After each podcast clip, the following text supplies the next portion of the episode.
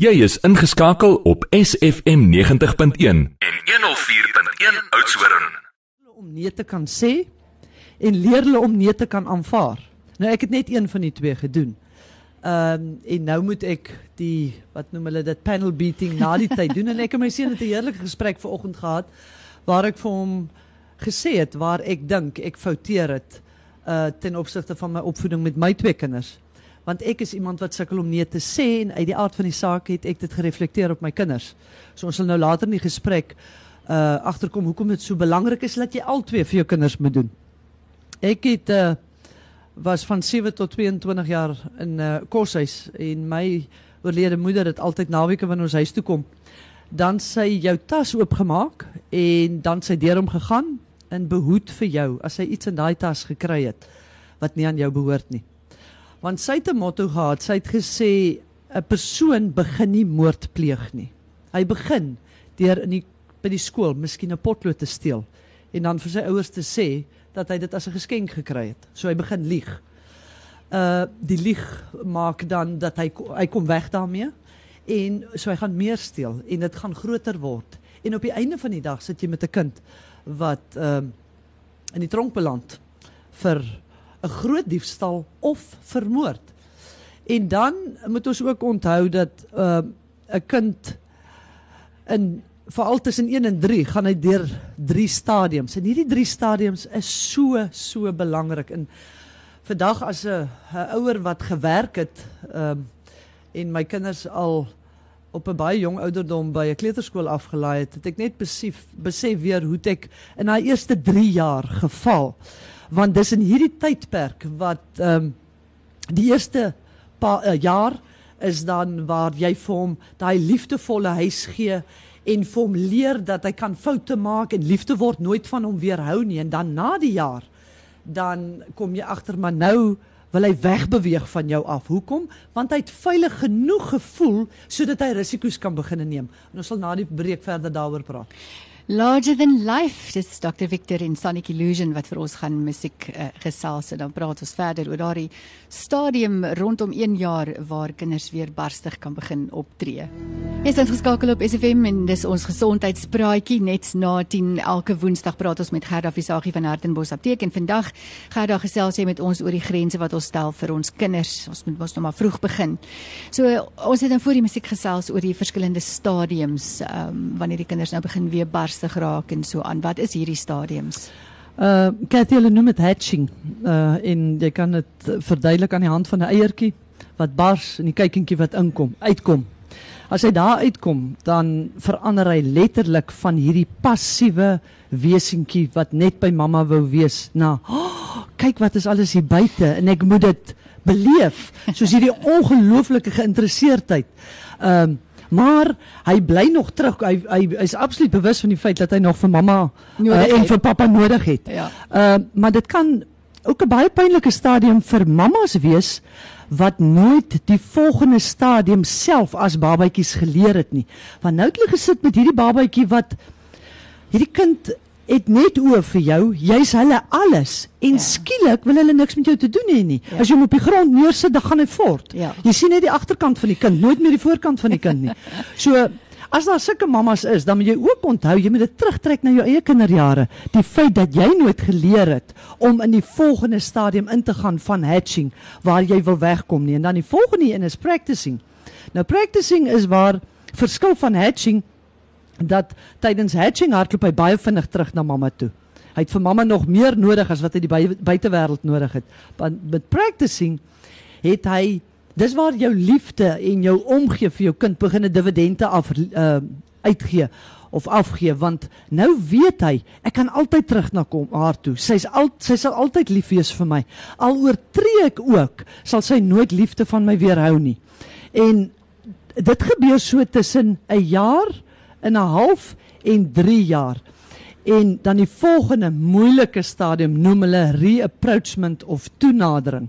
Dis waar hy ehm um, dit kan 'n baie onaangename ervaring wees want nou het hy die wêreld beleef en hy het agtergekom in die wêreld kan 'n mens seer kry en dan begin hulle weer barstig raak, hulle begin aggressief raak, soos die een ma dit verduidelik het, dit vir haar gevoel sy sit met 'n kind wat permanent tandpyn het. Dis waar hulle goed wat hulle van gehou het, sê nou maar fyn gedrukte butternut wat hy altyd mal oor was. Nou druk hy die lepel in sy mond en spoeg hy dit uit. Ehm um, so hy begin hierdie ehm um, frustrasie beleef van waar wil ek nou eintlik wees? En hierdie is ook die stadium van nee en myne wat 'n mens baie baie mooi moet hanteer. Want hierdie fase van nee en myne as jy dit nie reg hanteer nie het 'n verskriklike groot effek as jy eendag 'n volwassene is. Ja ja nee mense sien dit eintlik nogal nogal baie. Ja. Ons gaan musiek maak. Dion Meyring se stem met voetganger en dan praat ons verder oor hierdie verskillende stadiums van ons kinders wanneer ons hulle leer om grense te kry Ons gesels gesondheidsake met Gerda Visagie van Hartenbos Apteek is 23 minute oor 10. Gerda, um, net so laaste inset van jou kant af, kan jy vir ons 'n paar praktiese voorbeelde gee hoekom 'n kind wat nou in hierdie toenaderingsfase is, hoekom hoekom die regte hantering daarvan deur 'n kind se ouers so belangrik is? Kathy, ek wil die eerste voorbeeld noem van my man en my seun, hulle het van kleins af verskriklik gestoei. Stoei vandag nog al is my seun al amper 23. Uh die enigste verskil is die bordjies het bietjie verhang. My man is nou die een wat seer kry, nie meer my seun nie. Maar as hy so met Stefan gestoei het en het hulle ek bedoel hulle kon lank aangaan en dan skielik sal my man nou net gesê het nou is dit klaar. En as hy gesê het dis klaar, dan moes my seun geluister het of hy het die gevolge van oorsaak en effek duidelik beleef. Um 'n ander voorbeeld is um 'n vrou wat in 'n winkel inkom en sy pas juwele aan en sy vat haar eie ring en sy sit dit op die toonbank neer. En 'n ander vrou kom in en sy sien die ring op die toonbank en sy sit haar beursie bo op die ring neer en sy slide hom in haar handsak in. Ongelukkig was die vrou vasgevang op 'n kamera en sy het deur die winkeleienaar gekonfronteer en na die konfrontasie het sy vergeet om die telefoon dood te druk. Toe hoor die winkeleienaar hoe sy sê vir haar man amper het ons nou 'n ringryker geraak. Amper het ek vir ons sy uh, presiese woorde was amper het ek ons nou vir ek nou vir ons 'n ring gesteel. Hierdie vrou het nie ek bedoel sy was amper 60. Ehm um, hierdie vrou het dit nie gedoen vir die eerste keer op die ouderdom hmm. van 60 nie, verseker ja, nie. Ja. Hierdie ding kom uit haar kinderjare uit.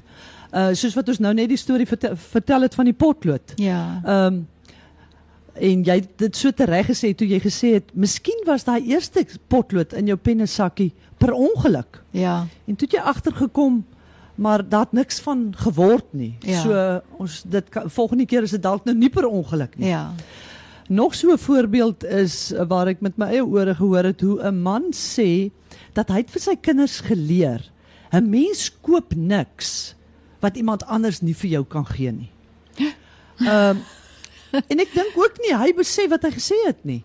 Uh soos wat ek ook in hierdie week uh retrospeksie geneem het en besef het om vir 'n kind te leer dat die woord nee verkeerd is ook 'n gevolg het. Ja. Want jy sit met twee scenario's. Jy sit met die een scenario van iemand wat nie nee kan ontvang nie en die ander een wat nie nee kan sê nie. Ja. En ek wil afsluit met die laaste storie van 'n vrou ehm um, 'n bruin vrou met 'n verskriklike mooi Afrikaans en die Afrikaans het my my oorgevang en ek het met haar begin gesels.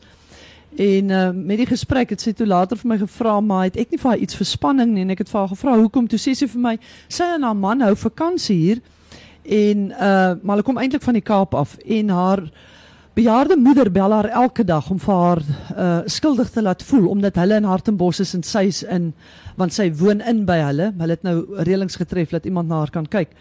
En hoe selfsugtig sy dink haar man is om haar wat haar dogter is weg te vat van haar af.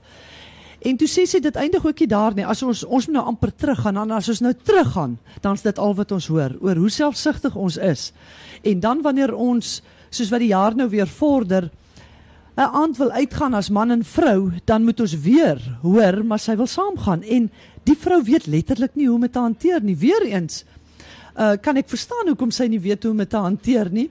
Uh want ek is baie keer self in haar skoene van jy weet nie om nee te sê nie, maar onthou sy's ook deur hierdie moeder grootgemaak waar sy nie toegelaat was om ooit nee te sê nie. Ja. En uh, dan wil ek maar net afsluit deur vir die luisteraars te sê as jy moedeloos raak, daar's twee uh Bybelverse wat vir my baie na in die hart lê in hierdie verband. En die een is waar die ehm um, Here sê dat ons ehm um, as ons vir ons kinders leer wat hy wil hê ons moet vir hulle leer, dan sal ons wanneer hulle oud is, wanneer ons kinders oud is, sal hulle nooit van hierdie wee afwyk nie. En 'n 'n 'n moeder wat baie ouer is as ek, omtrent 20 jaar van my verskil, het eendag vir my toe ek boedeloos vir haar gesê het, "Wanneer gaan dit wat ek hulle leer begin insink?" Toe sê sy, "Moet net nooit ophou nie.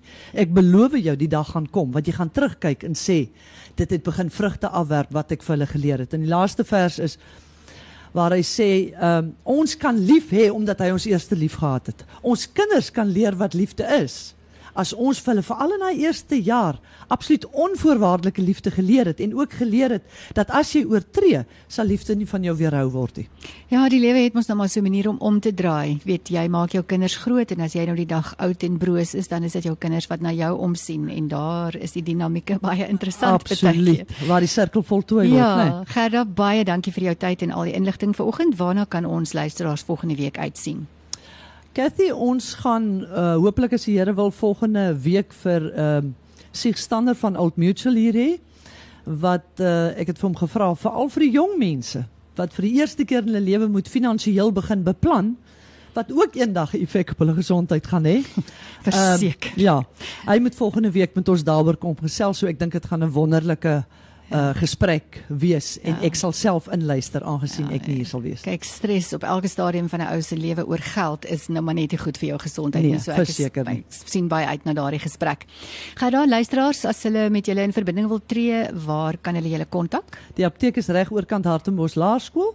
Baie parkeerplek. Ehm um, ons Facebookblad is Hartenbos Apteek Dieet en dan as iemand vir my iets persoonlik wil vra, hartembosapteek@gmail.com of ons telefoonnommer 0446915150. Ja, sê, so nou weet ons luisteraars waarom goeie raad te kry. Gerda, ek hoop jy 'n heerlike dag verder. Baie dankie Cathy. Dankie vir jou tyd. 90.1 104.1 SFM